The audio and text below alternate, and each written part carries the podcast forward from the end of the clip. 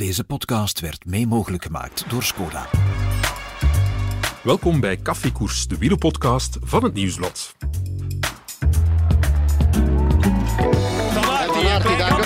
Het is los. Here There he goes goes. Pogacar now. Big attack. Van Aert, die het moeilijk heeft hoor in dat wiel van Van der Poel. Explosion de Remco Evenepoel. Here goes the attack.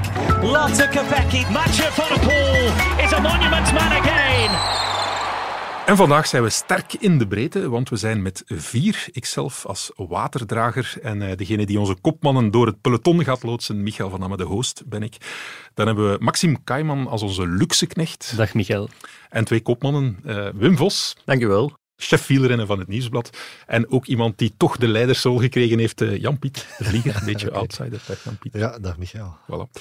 Goed, we hebben superweekend achter de rug gehad. Daar gaan we het vooral over hebben. Een superweekend omdat eh, ja, heel wat interessante Belgische renners daar hun seizoen begonnen zijn. Om eh, Wout van Aert, Arno de Lie en eh, Remco Evenepoel bijvoorbeeld niet te noemen. Ook Tim Welles was daar heel goed. Ehm, we hadden zaterdag Murcia, dat was het debuut van de Lie. En ook een sterke Tim Welles hebben we daar gezien. Zondag Almeria, debuut van Van Aert. Eh, zaterdag hadden we de koninginrit van de UAE Tour bij de vrouwen met een fantastische zege van Lotte Kopecky bergop. En zondag de eindzege van Lotte Kopecky maandag Gaen. Dat was een gravelkoers met eh, Van Aert. Voilà. Dus heel wat om over te praten. Maar we gaan vooral eens luisteren naar misschien wel de strafste stoot, of misschien wel zeg maar gerust, de strafste stoot van dit weekend. Die kwam uiteraard van Remco Evenepoel zaterdag in de Figueira Champions Classic in Portugal. Allá va el ataque de Renko, el campeón belga que demarra con una potencia descomunal. No hay manera, no hay manera, nadie le puede seguir la estela. I'm in uh, in a pretty big build-up towards uh, Paris-Nice, so I hope to keep building in uh, the next 10 days. En ook gaan proberen zo snel mogelijk een overwinning te pakken in het seizoen. Dat is denk ik altijd wel, uh, wel mooi meegenomen. Remco Evenepoel, day one, win 51. The Belgian champion sends out a message, puts the phone to his ear and slams it down. Die lange pauze heeft echt wel goed gedaan om uh, met een frisse kop en een fris lichaam uh, eraan te beginnen terug. Tijd om naar huis te bellen, afspraak gemaakt en hij wint. Remco Evenepoel. Ja, Jan-Pieter, en een van de redenen waarom wij jou het kopmanschap of het medekopmanschap in deze aflevering hebben bezorgd, is omdat jij ter plekke was in Portugal, in het zog van Remco Evenepoel. Uh, Klopt, in Figueira. Ja. Een badplaats die ongeveer in het midden ligt tussen uh, Lissabon en Porto. Ja. En vroeger blijkbaar een zeer, uh, een beetje parallel met Sanremo, was een zeer bruisende badstad. ook een, een, groot casino en zo, maar in, in verval geraakt. En de koers is een van de manieren waarop dat ze een beetje de oude glorie weer willen ja. Tot leven. Ja. Wat was nog maar de tweede editie, maar Klopt. goed, ja, als je Remco Evenepoel kan strikken, niet slecht zou ik zeggen. Ja, en dat was ongelooflijk hoe die daar op een voetstuk geplaatst werd, eigenlijk al voor de koers. Iedereen stond aan die bus van Quickstep. Echt, er was een desolate parking, behalve de bus van, uh, van Quickstep, waar dan ja, uh, Portugezen stonden met uh, schilderijen van Evenepoel. Echt, ik verzin dat niet.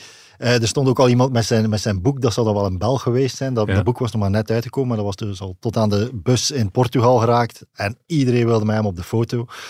Ja, het draaide allemaal vooraf al rond de Evenepoel. Ja. ja, ik vond het ook opmerkelijk dat tijdens uh, de wedstrijd zelf, dat je, toen het bergop ging, dat je ook zag ja, het publiek werd dol enthousiast van Evenepoel. Het was zo'n soort van ja, verafgodingsgebaar dat ze richting hem deden. Dus ja, het was echt wel... Ja, hij, merkte na, na de koers op... Uh, op zijn persconferentie vroeg de moderator, de, de rol die jij hebt uh, op de persconferentie bestaat die ook, die vroeg vooraf, ja Remco, zou ik met jou op de foto mogen?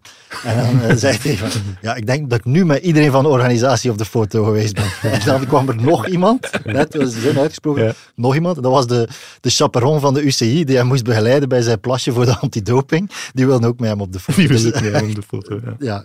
Ja, dus, hij is veel uh, gewend met selfies, maar dat was uh, nog van een andere orde dan. Ja. En dus inderdaad, ja, gewonnen met een, uh, een straffe solo. Uh, weer een eendagskoers erbij. Uh, ja, het, is, het, het, ging het grote jaar van de Tour zijn, maar hij, hij neemt ondertussen toch ook wel wat andere eendagskoersjes mee. De, beginnen met deze. Ja, inderdaad, hij neemt ze mee. Hij, hij, doet meer dan het meenemen natuurlijk. Hij rijdt iedereen naar huis met een, met een solo van 50 kilometer.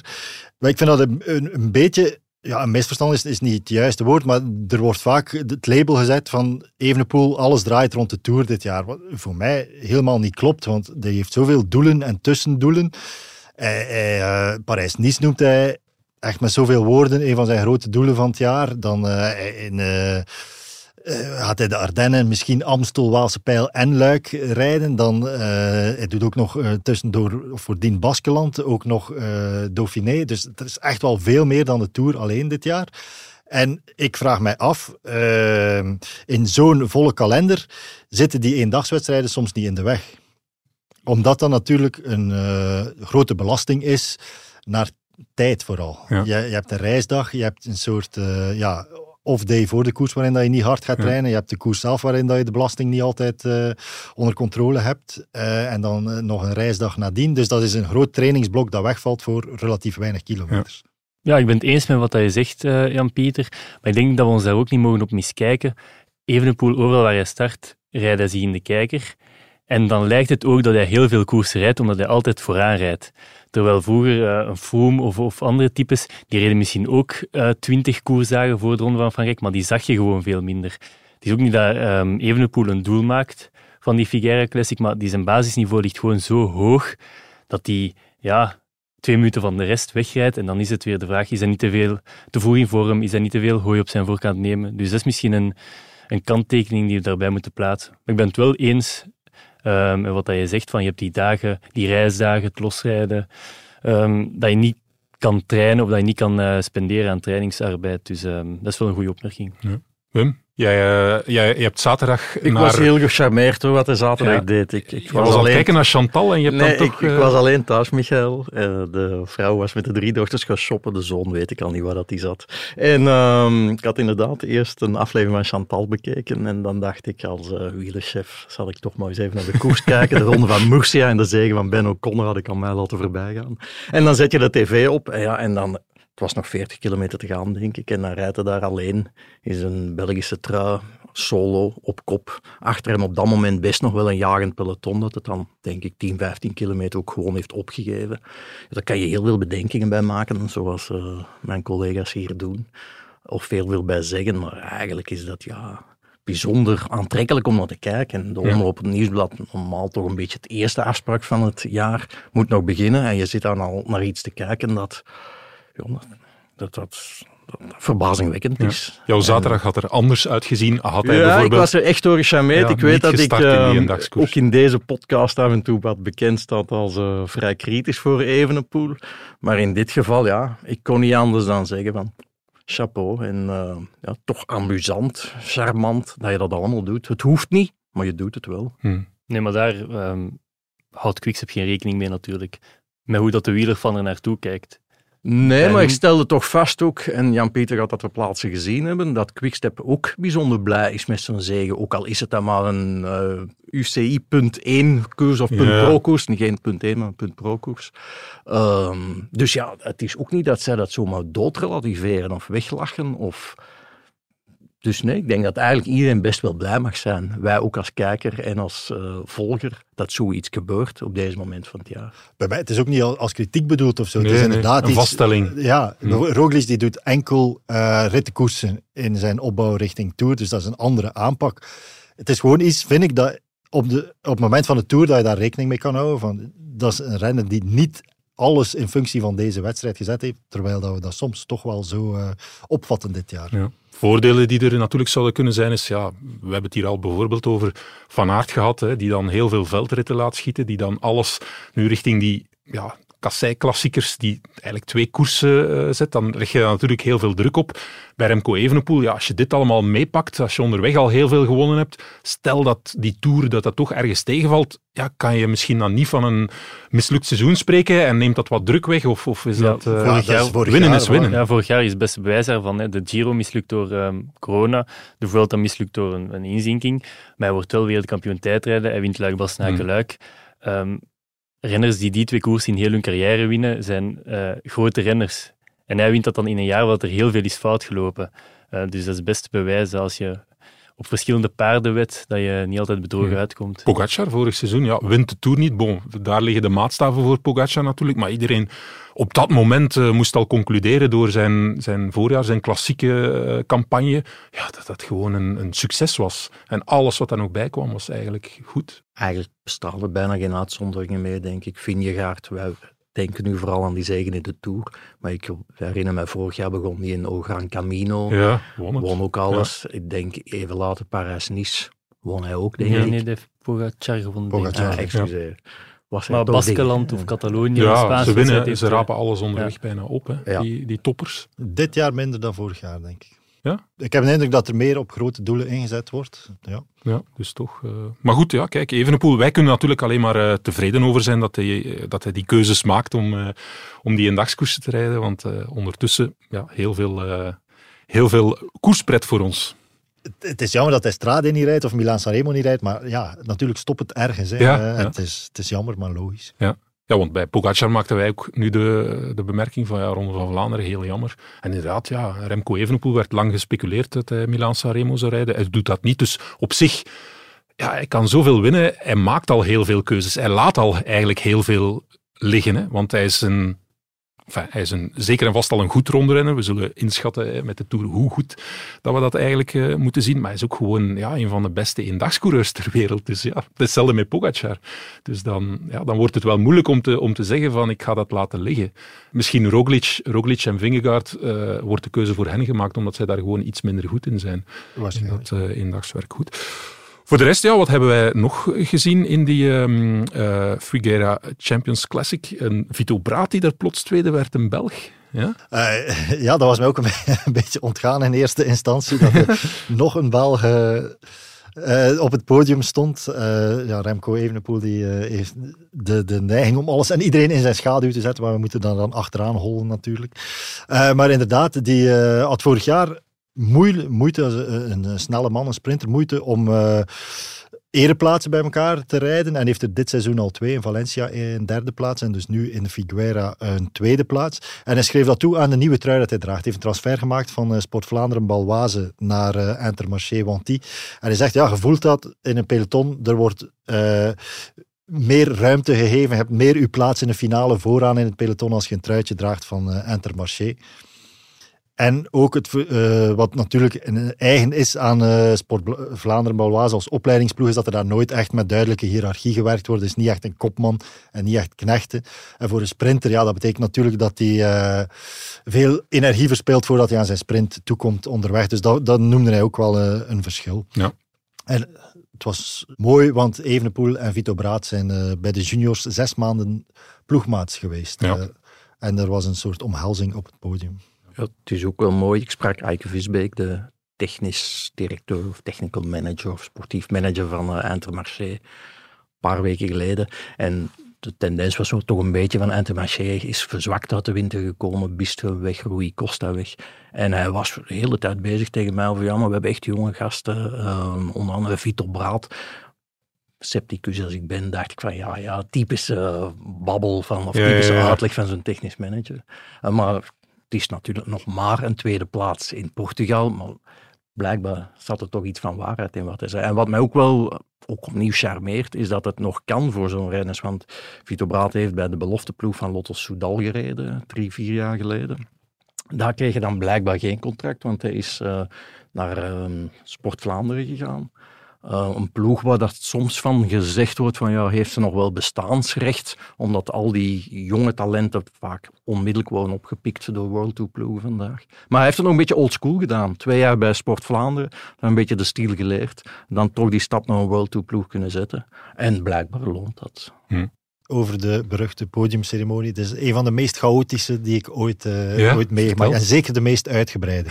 uh, het was een eendagskoers. Wat kan je, hoe kan je daar een uitgebreide podiumceremonie Wel, er zat een paar kunstgrepen, de organisatie. Dus ja. zoals gezegd, Evenepoel was wel echt degene met wie dat ze wilden uitpakken. Dus ze hebben er alles aan gedaan om die zo vaak mogelijk uh, op dat podium te krijgen.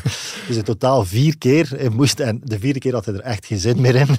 dat, je zag hem ook alsmaar meer kledingstukken aantrekken, want het was echt wel, wel koud ook daar. En er was een prijs voor uh, beste jongeren. Dus ja, eerste keer als winnaar, logisch. Beste ja. jongeren daarna had hij ook nog de bergprijs, wat al een beetje dubieus was. Een bergprijs in een dagskoers, oké. Okay. En dan uh, was er ook nog een algemeen klassement. En een algemeen was, klassement? Ja, dat was gewoon een kopie van de, van de uitslag uiteraard. Algemeen klassement in een dagskoers. Gewoon een reden om hem nog eens op het podium uh, te zetten. Ja. En heeft hij dan twee uh, overwinningen gekregen ook? Ja, nee, nee, nee, telt dat dan als twee overwinningen? Nee, vier plastic trofeeën gekregen, allemaal identiek. Ja. Uh, maar ik denk dat de UCI toch zal op bij eentje zal houden. Een algemeen klassement in een dagskoers. Ja. Uh, ja, dat, als we daarmee beginnen. Ja.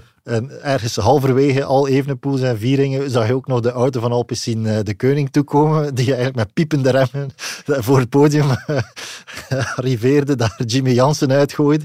Die had ook iets gewonnen. Tot zijn eigen verbazing had hij ook iets gewonnen, inderdaad. Ik weet zelf niet goed, helemaal precies wat, maar uh, het moet iets met tussensprinten geweest zijn. Hij, was, ja, hij viel zelf ook uit de lucht, maar hij mocht dus op het podium, kreeg ja. ook een prijs. Ja.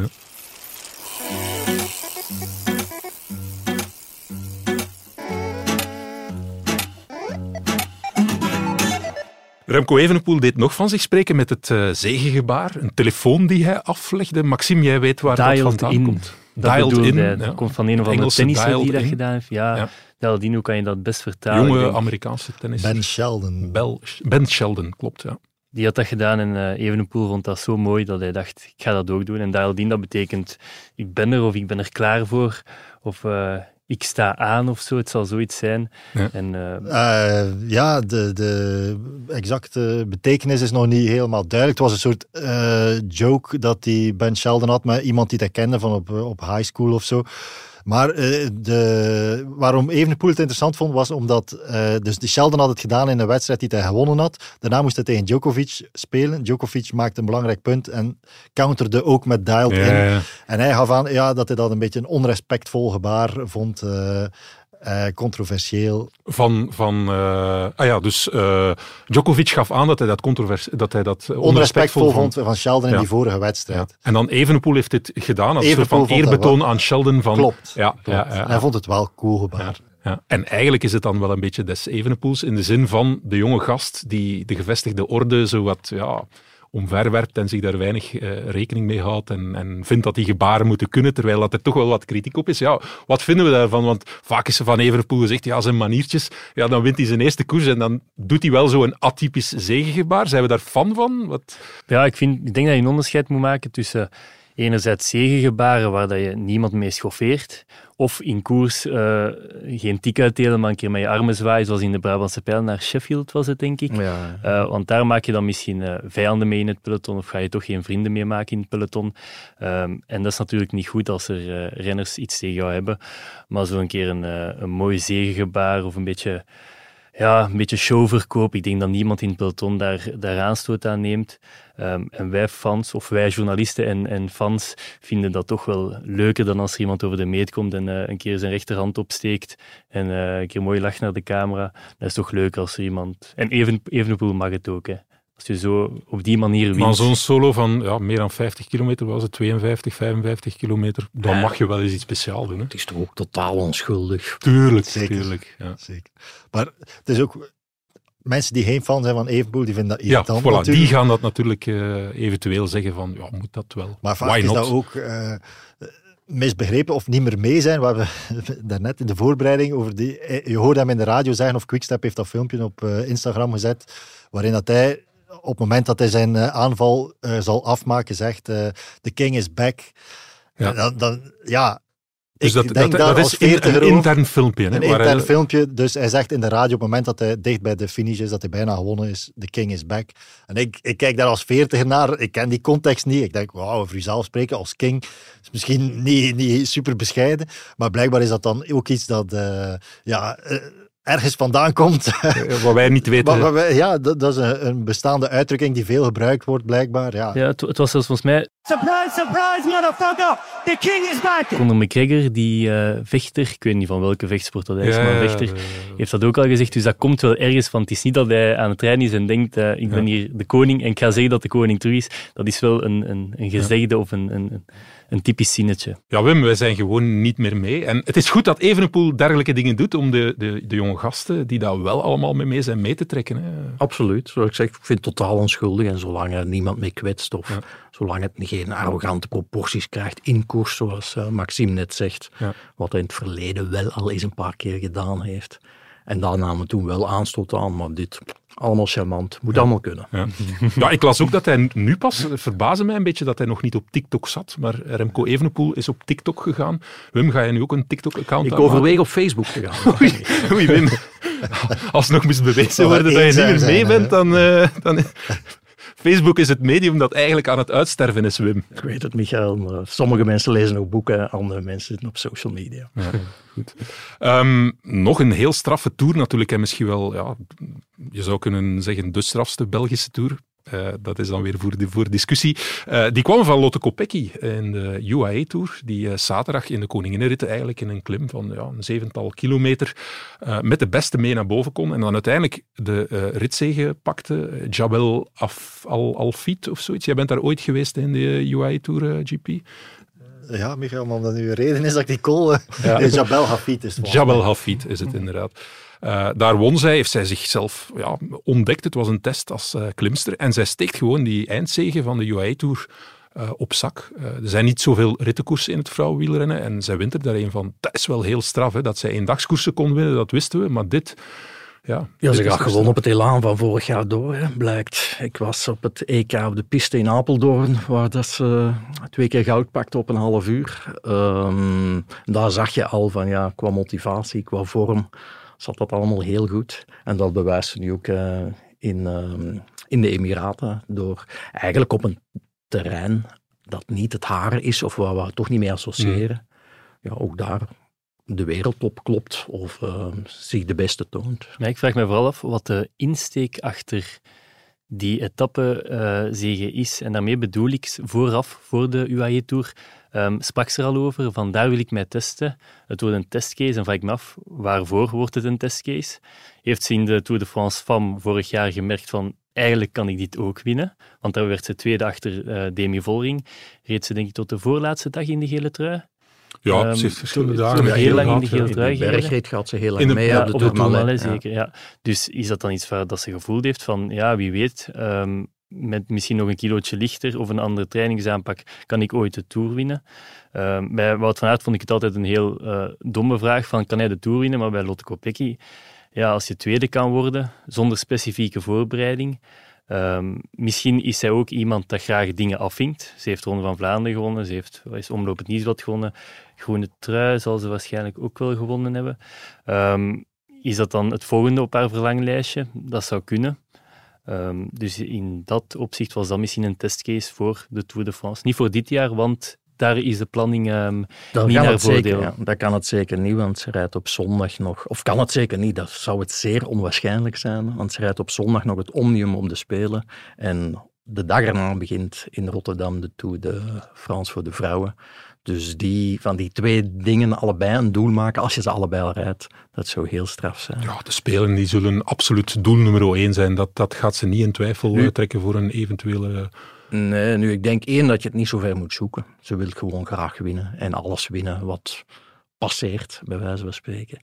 En het tweede, denk ik, is dat je het vrouwenwielen, en ik begeef me een beetje op glad ijs, maar wat moet, kan vergelijken met mannenwielrennen 40, 50 jaar geleden. Een mm sport die nog niet helemaal volwassen is. En, en waar, ook zoals in de jaren 70 bij de mannen, als jij snel met de fiets kon rijden, kon je bijna op alle terreinen winnen. En ik denk dat het vrouwen ook nog in die... Het vrouwenwielrennen op dit moment een beetje in die fase zit. Die pure specialisatie is er wel, maar nog niet volledig doorgetrokken.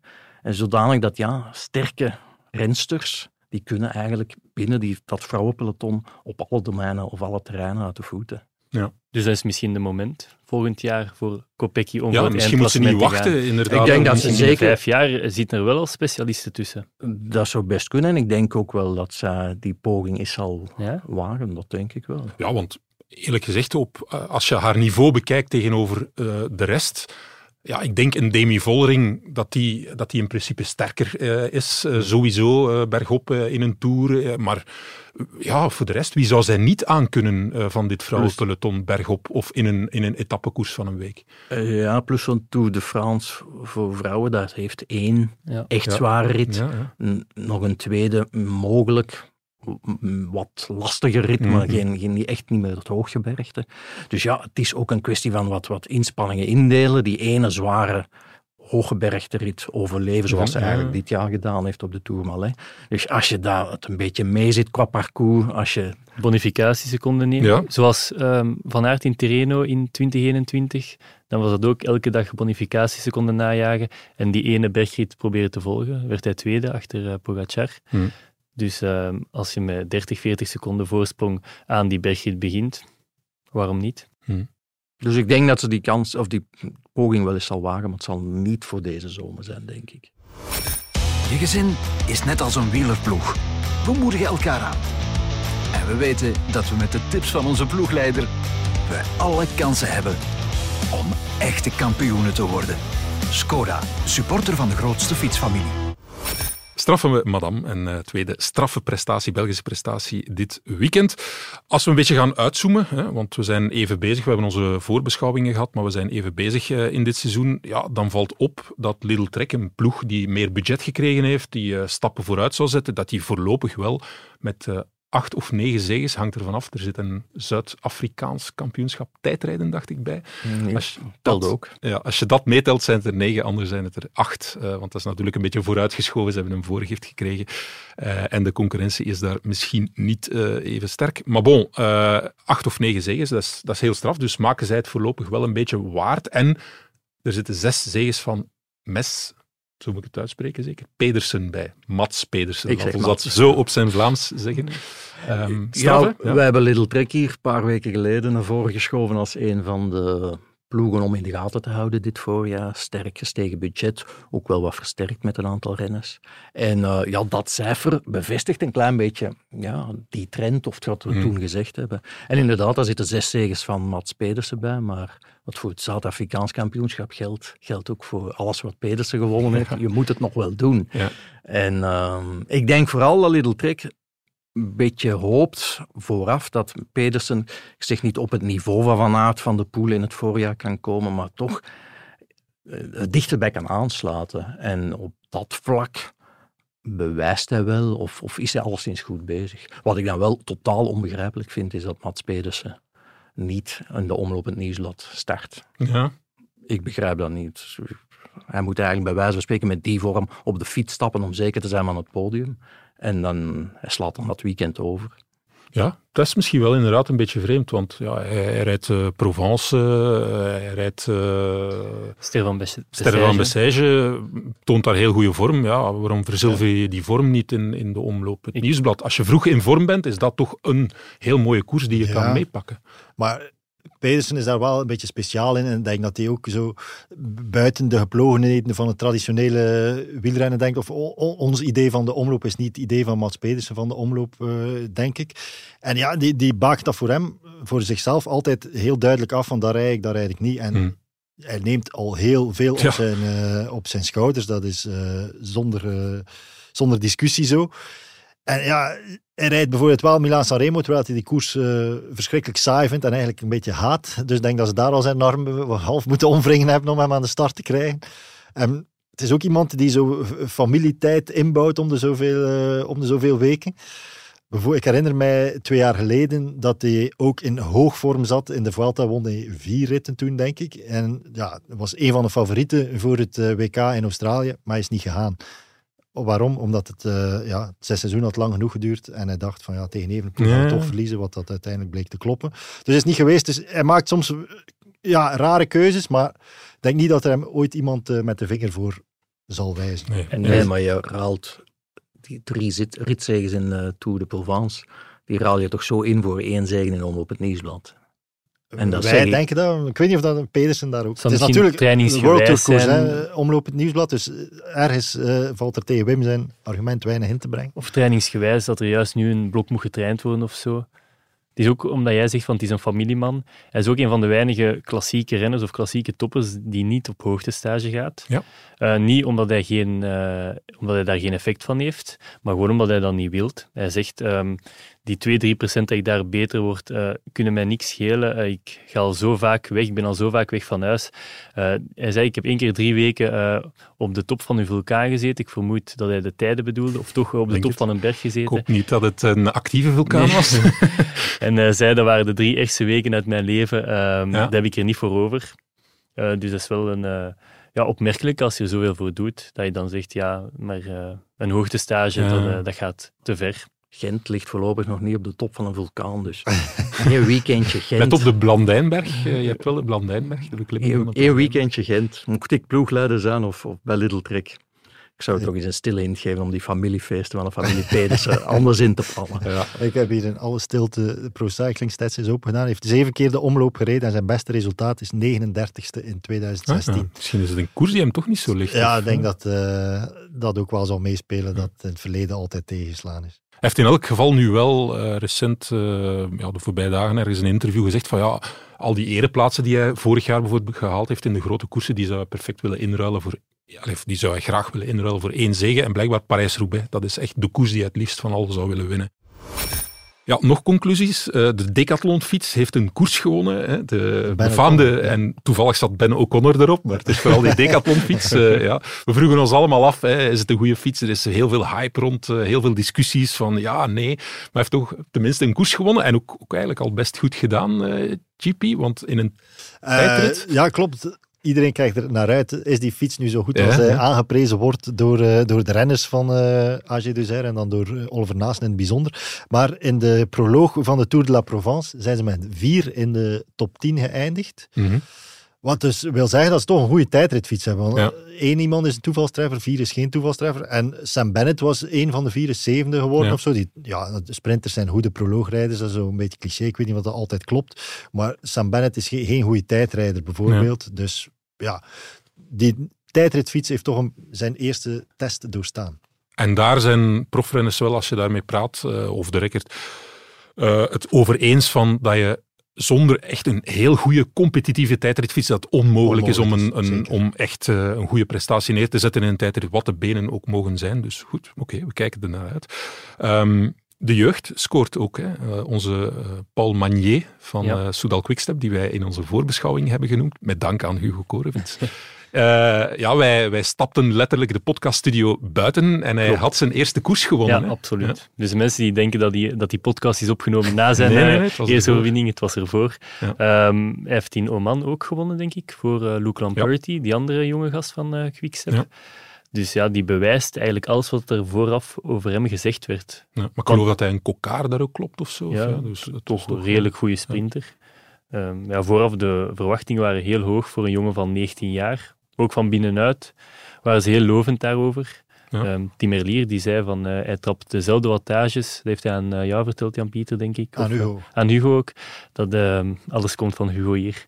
Eh, Toch veel. maar dat, um, dat hij de, dan Paul Maillet dezelfde wattages trapt nu op zijn 19 als Wout van Aert op zijn 19 trapte. Ja. En toen was hij wereldkampioen veldrijden, of net nog geen wereldkampioen veldrijden.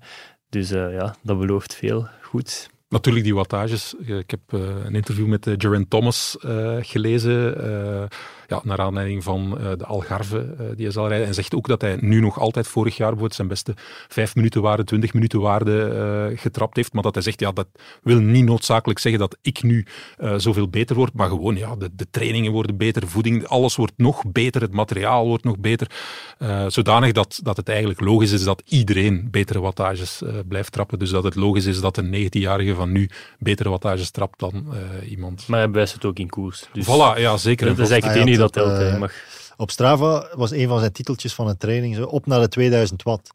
Dus 2000 watt is toch voor een sprinter een, bij een Paul piekvermogen, Manier. bij Paul, Paul Manier, ja. een piekvermogen van 2000 watt. Dat is, dat is wel, daarmee kan je buiten komen. Dat is heel veel. En zeker omdat hij, mijn indruk, vrijelijk gebouwd is. Ik had, ik had hem aan de telefoon een paar dagen geleden, Manier.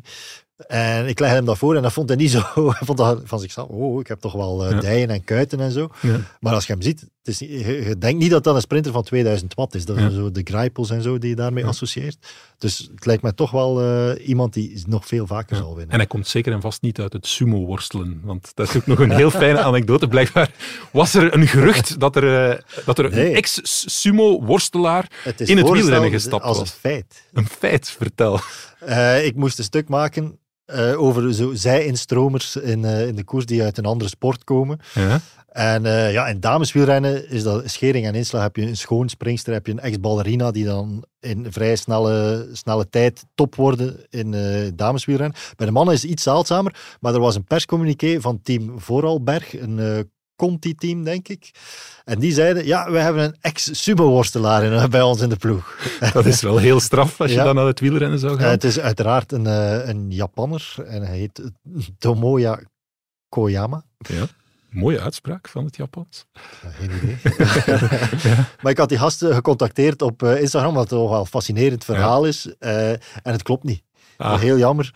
Hij zegt zelf, eh, de, team, de ploeg heeft dat gecommuniceerd, zoals dat je zegt, eh, dat alsof ik uit het sumo-worstelen kom. Maar het is meer bij wijze van spreken. Ik was gewoon heel erg dik. Oh, het is eigenlijk een geval van bodyshaming. eh. Ja, hij woog 108 kilo. Ja. En nu, Wow, nu weegt hij volgens opnieuw Pro Cycling Stats nog 68 kilo. amai. Het is een magering of Ozempic. Eh een van de twee. Dat kan toch bijna niet anders. Ja.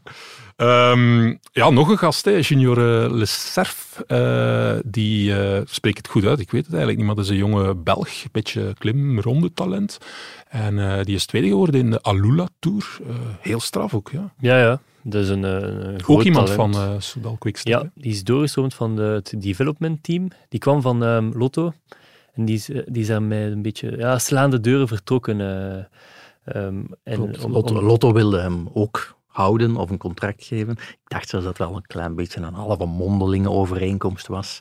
En eh, heeft dan toch ondertussen anderhalf jaar geleden in de zomer beslist van naar Quickstep te gaan. Mm. En dat is inderdaad, eh, daar waren ze bij Lotto niet zo heel blij mee. Hij moest zijn fietsen inleveren. Hij moest onmiddellijk zijn fietsen inleveren en dergelijke fratsen. Ja. Het is bij een ontslag ook zo, hè, dat we onmiddellijk de laptop moeten inleveren en zo. Dus, hij eh, komt dat ook wel niet van- anders. Hij komt ook wel, ehm, of hij heeft zich al eerder laten opmerken, hè, die Lessef, echt vorig jaar. Nee, in de- Ja, dacht ik ook. Ja, inderdaad. Maar ja, ook, ja. Ja, Ja. dat is wel inderdaad een graadmeter. Zeg, en onze good old Tim Welles, die eigenlijk altijd goed is in het seizoensbegin, die heeft nog niet gewonnen, hè, want meestal heeft hij al gewonnen deze tijd. Hij heeft natuurlijk nog maar twee koersen gereden. Eh, in Murcia heeft hij gereden eh, en dan de Classica Jaén. Hè, dat is die Spaanse Strade Bianchi, die wordt gezegd. En hij een derde en een vierde plaats ook. En ik vond wel, ja, hij reed ook telkens een zeer aanwezige koers. Ehm, ja, is dat dan iemand die we moeten opschrijven voor de omloop? Eh, dat, dat zou je kunnen zeggen. Van, ja. Ik denk elke keer, hij heeft, hij rijdt- heeft niet elk jaar de omloop gereden, maar elke keer als hij start, ehm, wordt hij wel als, misschien niet bij de favorieten, maar Ja. ook bij de outsiders gerekend. Heeft ook al wel, eh, dacht ik, 1, 2 mooie ereplaatsen. Ik blijf naar Jan Pieter kijken, die volop weer op Pro Cycling Stad Ja. bezig is. Ehm, dus het is ook niet dat hij daar al teleurgesteld heeft om hem nu meteen als een van de favorieten. De omloop heeft nog wel een zeer sterk deelnemersveld, vind ik. ja, dat hebben we in Dit onze jaar- voorbeschouwing gezegd. Ja, ja. Ik herinner mij een derde plaats van Tim Welles in de omloop in 2019. Ja, straf dat jij jou dat herinnert met een kijkend naar een computerscherm. dat is eh, heel straf. Goed, eh, oké. Maar we moeten toch altijd, hè, want we hebben hier nu over die voorbereidingskoersen ge- eh, gesproken, heel mooie dingen gezien. Als we daar echt conclusies gaan uittrekken, dan moeten we opletten. En eh, Wim Vos gaat dat bewijzen met zijn oude Oei. Ja, Ah, met zijn ah. oude koe die hij uit de slot Ah, gaat halen. ja, hè. ja. Eh, herinner u, beste luisteraar, eh, en zeker de trouwe luisteraar, die zal dat weten, dat Wim Vos af en toe is als historicus in de wielredactie een oude koe uit de gracht haalt. En heeft een heel mooi voorbeeld van een niet zo ideale voorbereiding eh, in februari, die dan toch tot een succesvol seizoen geleid heeft. Wim, Wel ja, zo is het ja, eigenlijk. het is een heel straf verhaal. Ik, het is ik echt moest eraan denken, omdat je in al die interviews leest hoe belangrijk deze weken zijn. Februari, voorbereiding moet vlekkeloos verlopen, mag vooral niet verstoord worden. En dan moest ik denken aan een verhaal van Eddy Merckx. eh, uit 1975. Ehm Eddy Merckx, andere tijden, rijdt begin februari nog de Zesdaagse van Antwerpen. Wordt ook nog gelauwerd op een bepaalde avond als eh, sportman van het jaar Mhm. rijdt naar huis eh, s s'avonds, rijdt de garage binnen en ziet een luikje openstaan in zijn garage en weet meteen, verdorie, hier is ingebroken. En dat klopt ook, zijn hele huis ligt overhoop. Ehm, en wat zijn er weg? Ehm, een medaille van het WK, een paar echte mooie kunstwerken. Eddie Merckx investeerde toen in kunst. En ehm, ook enkele zilveren, nu moet ik even nakijken. Ehm, ja, geweren van FN Herstal die met zilver belegd waren en waar zijn naam in gegraveerd stond. Vind ik op zich al straf dat Eddy Merckx Dus- gepersonaliseerde geweren van FN Herstal in zijn eh, huis liggen had. Maar dus het is 8 februari 1975 en toch een tegenvaller op dat moment. Ja, voor Eddie ja, Merckx. ja. Maar het verhaal wordt eigenlijk nog veel krasser, omdat enkele dagen later Eddie Merckx telefoon krijgt van iemand en die zegt van kijk, ik heb hier uw eh, WK-medailles. Als je ze terug wil, dan moeten we afspreken daar die plek met 600.000 frank. Voor de jongere luisteraars, 600.000 frank is denk ik een 15.000 euro. Ja, stevig bedrag. Stevig bedrag. Zeker in die tijden. Inderdaad, en ja, Eddie Merckx weet aanvankelijk niet goed wat hij moet doen met dat telefoontje. Ligt dan toch de politie in en er wordt, en ik gebruik het woord opzettelijk, een valstrik opgezet. Voilà. Valstrik als, als in een stripverhaal. En dit is echt gebeurd. Ja, als in een stripverhaal van Jommeke, waar Eddie Merckx ja, in de haat van Jommeke kraapt. Zijn mm, verzorger Guillaume Michiels, op dat moment een heel bekende naam, zullen we zeggen, kraapt in de haat van Philippe Want de twee ja, maken een afspraak met de heler van de WK-medaille, lichten wel de politie in, en um, ja, nemen zogezegd 600.000 frank met zich mee. In werkelijkheid um, zijn er uit de krantenpapier ja, briefjes geknipt in de vorm van een bankbiljet. En daarbovenop is één briefje van 1000 gelegd, alsof het een bom, heel veel geld is, maar in werkelijkheid is het maar 1000 of 2000 frank. Ja, ze rijden naar Jezus Eik, bewuste parking waar de dief of de heler op hen wacht. Um, daar loopt een een postbode rond, daar loopt iemand, een straatveger rond, maar dat zijn allemaal vermomde politieagenten. In de auto zelf zit Eddie Merckx met zijn soigneur, die ook nog op vraag van Eddie Merckx zijn revolver bij had.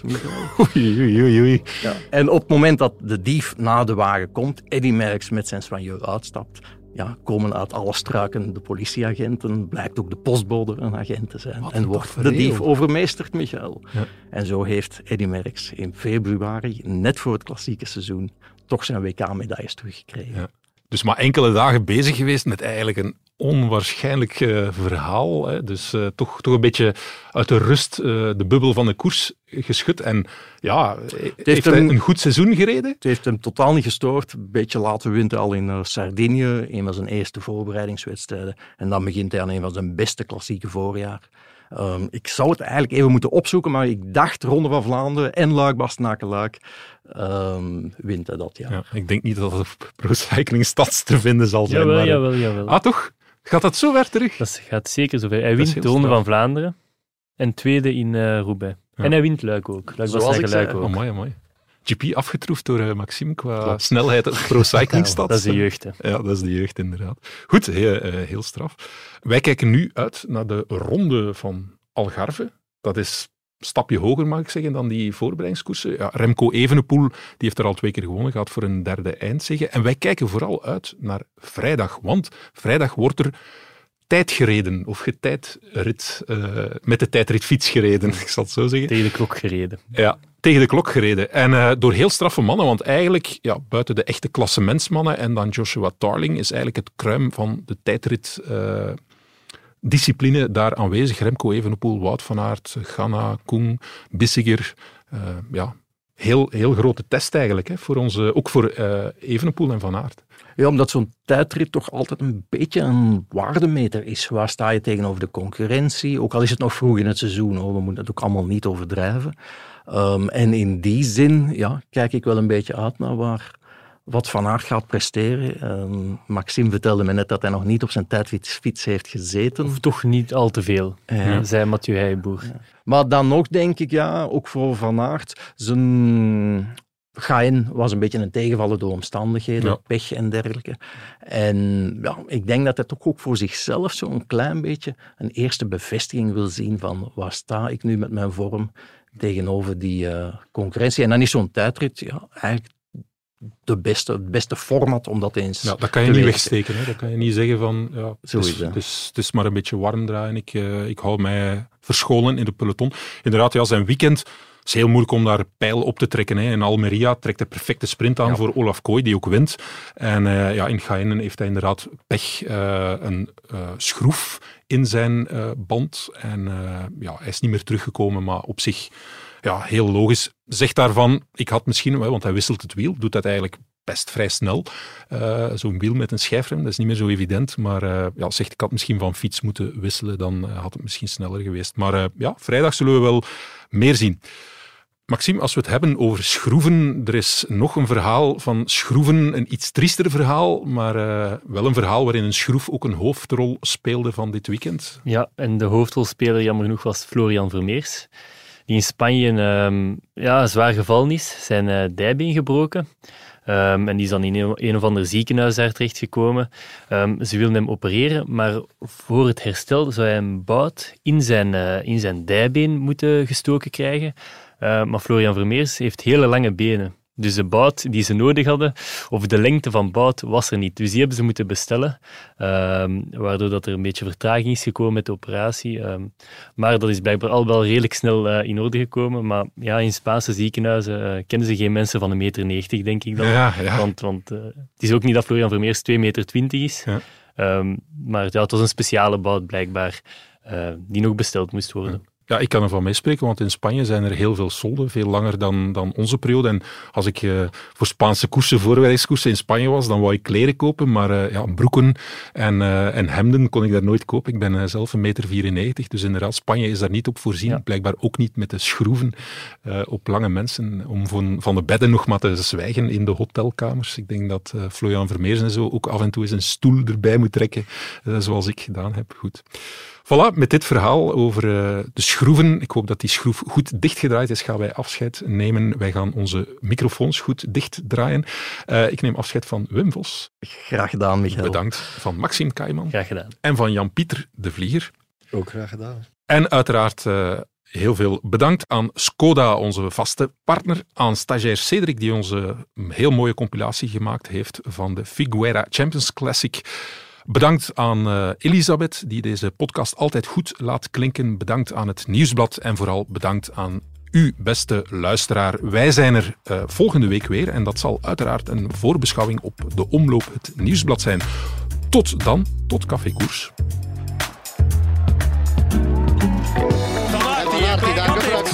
Beest is los. Here There he goes. Pogacar now, big attack. Van Aert, die het moeilijk heeft hoor in dat wiel van Van der Poel. Explosion de Remco Van der Poel. Here goes the attack. Lotte Kopecky. Matcher Van der Poel is a monument man again.